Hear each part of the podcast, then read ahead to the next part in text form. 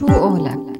من بدايات انطلاق الثورة بمطلع سنة 2011 كانت إدلب من أوائل المدن اللي هبت وانتفضت وثارت ضد النظام السوري للطالب بالحرية والكرامة. وشهدت المحافظة بوقتها مظاهرات عمت كل شوارع المدينة طالبت بالحرية والكرامة وبإسقاط النظام. وهذا الشيء ما كان غريب عن المدينة المعروفة بتاريخها الثوري ضد النظام من قبل 2011 فهالمدينة شهدت انشقاق أول ضابط من قوات النظام وهو المقدم حسين هرموش وسيطرت قوات المعارضة على المدينة بال 2015 بعد خروج النظام منها بشكل كامل.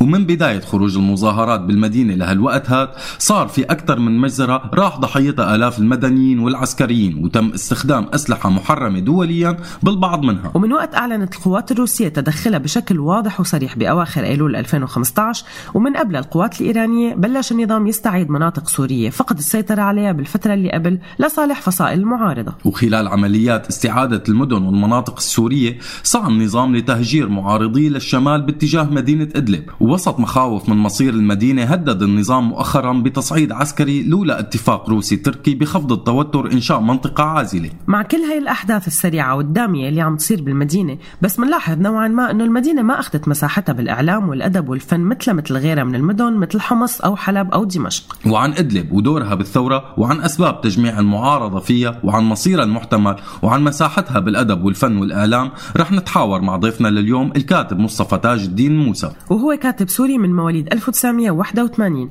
حصدت أعماله عدة جوائز أدبية محلية وعربية وتم ترجمة بعضها لعدة لغات عالمية وانكتب عنها كثير من المقالات والدراسات. أهلا وسهلا فيك الكاتب والقاص السوري مصطفى تاج الدين موسى ضيف عزيز على برنامج من سيره لسيره عهوى راديو سوريالي. أهلا وسهلا فيك سيد مصطفى. يا هلا بكم تحياتي أهلا صباح الخير. أهلا صباح وسهلا صباح النور. آه بداية آه، سيد مصطفى خلينا نبلش من مظاهرات إدلب. آه أنت شفت إنه الرهان على إدلب وإرادة المتظاهرين هو رهان فاشل. يا ترى ليش آه ليش الرهان فاشل؟ عفوا. آه طبعا أنا برأيي إنه كان كان رهان فاشل لأنه آه عانت آه إدلب خلال سنوات الثورة السورية معاناة كثير كبيرة. سابقا وقت كان النظام مسيطر عليها ومن ثم من ثلاث سنوات آه، وقت سيطرت عليها الفصائل المتطرفة. آه، فالنظام خلال الثلاث سنوات آه، كان عنده قناعة أنه الرهان على إرادة الأهالي والرهان على إتعابهم وإرهاقهم من قبل هي الفصائل. لكن اكتشفنا بآخر أسبوعين إنه المدنيين بادلب رغم كل التنكيل اللي تع... الذي تعرضوا له على يد النظام وعلى يد الفصائل المتطرفه ما زال عندهم إرادة قوية للتظاهر ولرفض النظام مهما كانت معاناته. أه طيب شو الرساله اللي حملتها مظاهرات إدلب للعالم برأيك وبرأيك قديش مهمة هي الرسالة بهذا الوقت بالذات؟ أه طبعا هي رسالة كثير مهمة إنه لا رجوع للنظام أه يعني ايا كانت المعاناة أه من قصف أه, أه، أو من الفصائل المتطرفة اللي ضيقت على الأهالي خلال هالسنوات في في حياتهم وفي عملهم وحتى في لباسهم. آه، كانت آه، رسالة كثير مهمة إنه لا رجوع للنظام أيا كانت المعاناة ولا مصالحة معه. آه، طبعا أهميتها بأهمية هالرسالة أنه شكلت ضغط كبير على الرأي على حكومات العالم وعلى الرأي العام العالمي. العالم كله كان عم يتابع شو عم بيصير بإدلب عم يتابع الحراك المدني الجديد. ف تأثر هذا اثر هذا الحراك بشكل أو بآخر بحكومات العالم نوعا ما وبالرأي العام العالمي. طيب سيد مصطفى بمقالك من نخيل البصرة إلى زيتون إدلب آه، ربطت بين مظاهرات إدلب ومظاهرات مدينة البصرة العراقية. آه، شو القاسم المشترك بين مظاهرات إدلب ومظاهرات البصرة يلي خلاك تربط بينهم؟ طبعا بالأساس هو في فكرة مهمة آه إنه دائما بالنسبة للثوار الحقيقيين آه ما, ما في شيء اسمه طائفي فاسدي أو آه طائفي شريفي آه كما حاول البعض يسوقوا له عن طريق استغلال الثورة السورية بهي النقطة من بداية الأحداث. في بالشرق العربي في آه، أناس عانوا من الأنظمة ايا كانت طائفتهم. وفي بعض الفاسدين المحسوبين على هي الأنظمة أيا كانت طائفتهم. إدلب ذات أغلبية سني آه، في سوريا والبصرة في العراق ذات أغلبية شيعي وكلا المدينتين منتفضين على الفساد منتفضين على الدكتاتورية. آه، إيران بتعتبر أن البصرة منطقة نفوذ لنا. شفنا بالأيام الأخيرة أهل البصرة عم ينتفضوا ضد إيران. فإيران ما في إلا منطقه منطقة نفوذ تطمئن لها بمدننا العربيه وبدولنا في ناس بعانوا من الظلم فبأي لحظة قد ينتفضوا بعيدا عن أي انتماءات طائفيه أو مذهبيه أو دينيه. تمام.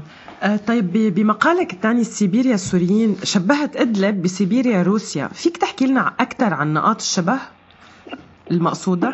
آه طبعا سيبيريا هي منطقة بأقصى الشمال آه الشمال الشرقي من روسيا وحجمها يساوي حجم سوريا آه، عده أضعاف.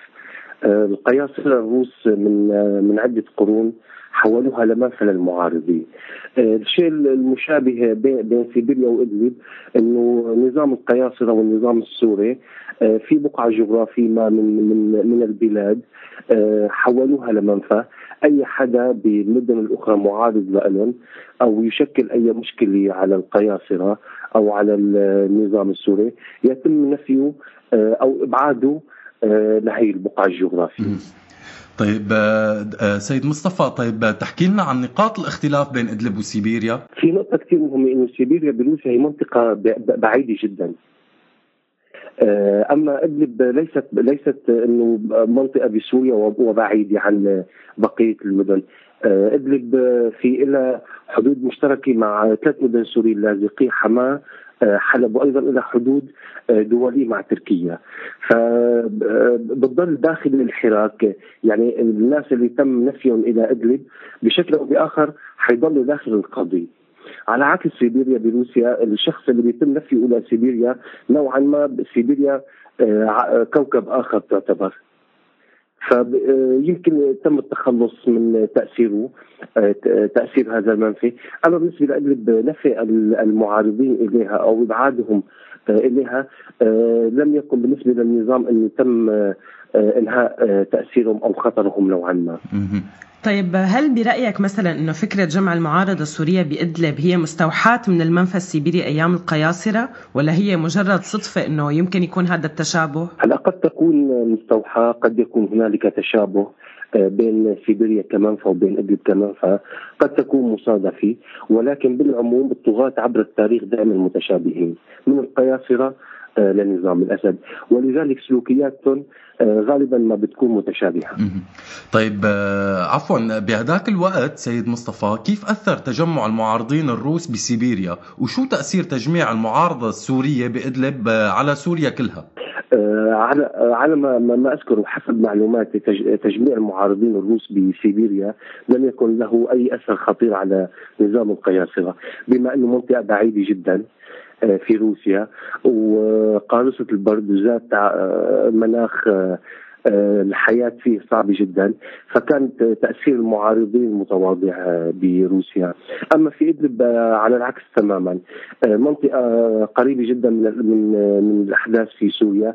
تجميع المعارضين فيها أو نفي المعارضين إليها كان له أشياء آه، أشياء سلبية وفي نفس الوقت له أشياء إيجابية إنه في معارضين سوريين اجتمعوا فيها من أرياف سوريين متعدده ومن مدن سوريين متعدده آه، تبادلوا العادات والتقاليد تشاركوا الهموم والأفراح آه، والأحلام بالحرية. آه، فكانت هي برأيي أنا نقطة كثير مهمة. طيب كيف انتهى الأمر بالمنفيين بسيبيريا؟ وهل يا ترى بتتوقع يكون مصير إدلب والموجودين بإدلب مشابه؟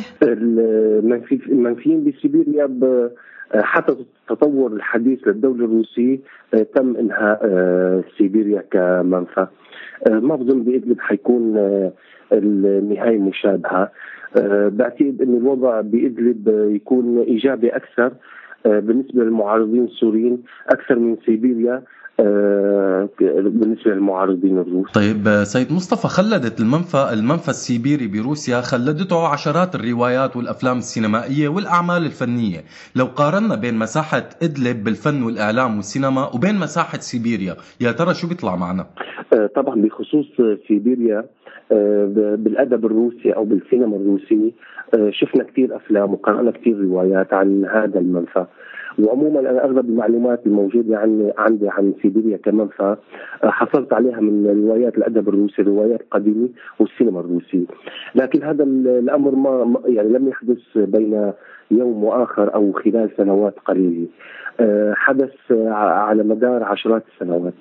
حاليا أعتقد إنه إدلب أو أي مدينة سوري من المدن المنتفضه تواجد بالفن السوري أو بالأدب السوري قد يكون تواجد صغير ولكن عموما الفنانين والأدباء والمبدعين السوريين بحاجة لوقت وخصوصا أن الحدث يلي هو الثوره السوريه ما زال قائم. مع مرور السنوات عم نشوف أعمال فنيه وأعمال إبداعي وأدبي آه، أكثر وفي منها عم بيكون أنضج مع مرور الوقت. لكن الأمر يحتاج ل آه، لسنوات طويلة حتى تتبلور النظرة أكثر آه، تصير أكثر عمقا وأكثر فهما للواقع ولما حدث ولما يحدث. غالبا بالفترة الأخيرة عم نشوف أفلام وثائقية كثير آه، عن السجناء عن المعارضين عن المنفيين عن الأحداث عن المج... عن المجازر أيضا عم نشوف برامج وثائقية جدا مهمة وخصوصا اللي عم بيتم تصويرها مع معتقلين سابقين. وسمحت لهم ظروف الخروج إلى خارج سوريا. آه، في كثير برامج وثائقية عم بتكون كثير مهمة معهم لتوثيق آه، هي المرحلة ولا توثيق سلوكيات النظام عن طريق تلفزيونات آه، تقريبا قريبة من المعارضة أو عن طريق إذاعات أو عن طريق صحف وجرائد مزبوط. بس هدول مثل ما عم تقول في كتير أعمال فنية وأدبية وسينمائية طلعت من بعد الثورة. أه والأحداث دائما كانت عم تدور بعدة مدن مثل حلب حمص ودمشق بس كتير قليل ويمكن نادرا جدا ما سمعنا عن عمل فني عن أدلب أو موجه لأدلب. برأيك شو سبب عدم توجه الفن لأدلب أو أه خروجه من أدلب؟ طبعا ما في ما في سبب بس عموما أه تحرك الفن يتميز دائما بالنسبة للحوادث الكبيرة بالتاريخ يتميز بالبطء, والعمق. يعني يحتاج إلى وقت أكثر آه، يعني قد نشاهد مستقبلا روايه آه، تدور احداثها عن ادلب أو فيلم آه، سينمائي طويل تدور أحداثه عن ادلب بهذه المرحلة، لكن أعتقد إنه تحتاج إلى مدة زمنية جيدة. لأنه الاعمال الفنيه ريثما تواكب الأحداث التاريخية تحتاج يعني تتميز بالبطء وبالعمق فتحتاج لتريث وتحتاج لزمن جيد. حتى تكون ناضجه طيب بس عفوا سؤال أخير سيد مصطفى. برأيك الفصائل الموجودة بإدلب وعلى على رأسهم مثلا هيئة تحرير الشام ما ممكن يكون لها دور بالحد من مساحة الفن والأدب بإدلب؟ طبعا لأنه أنا برأيي إنه هي الفصائل المتطرفه هي الوجه الآخر للنظام. الفن والإبداع شكل من شكل من أشكال الحرية ومن أعلى ومن أرقى أشكال الحرية، فبالتأكيد الفن والأدب والإبداع بشكله خطر على الفصائل المتطرفة، آه لذلك آه ما في ما في نشاط آه أدبي أو إبداعي آه، على مستوى ضخم عم يكون بهي المناطق. ولكن في في نشاطات فردية في تجمعات آه، لبعض الأصدقاء آه، الكتاب أو الفنانين أو الادباء عم يشتغلوا رغم الظروف السيئة ورغم الأوضاع السيئة. عم ينتجوا بعض الإبداعات الجديدة والجميلة. ولكن مع الوقت مع مرور الوقت أنا أعتقد إنه حيكون في شيء أهم وشيء أجمل. تمام نهاية بدنا نتشكرك سيد مصطفى عن جد على وقتك وعلى المعلومات القيمة اللي أعطيتنا إياها وبدنا يعني نقول الله يحمي أهلنا بإدلب هي مو أول مرة معروفين هن بانتفاضاتهم ضد النظام فهي مو أول مرة إن شاء الله آه، بتكون كمان هي الأخيرة وبيقدروا وبنقدر كلياتنا كسوريين آه، نخلص من هالظلم اللي إلنا عايشين فيه كثير.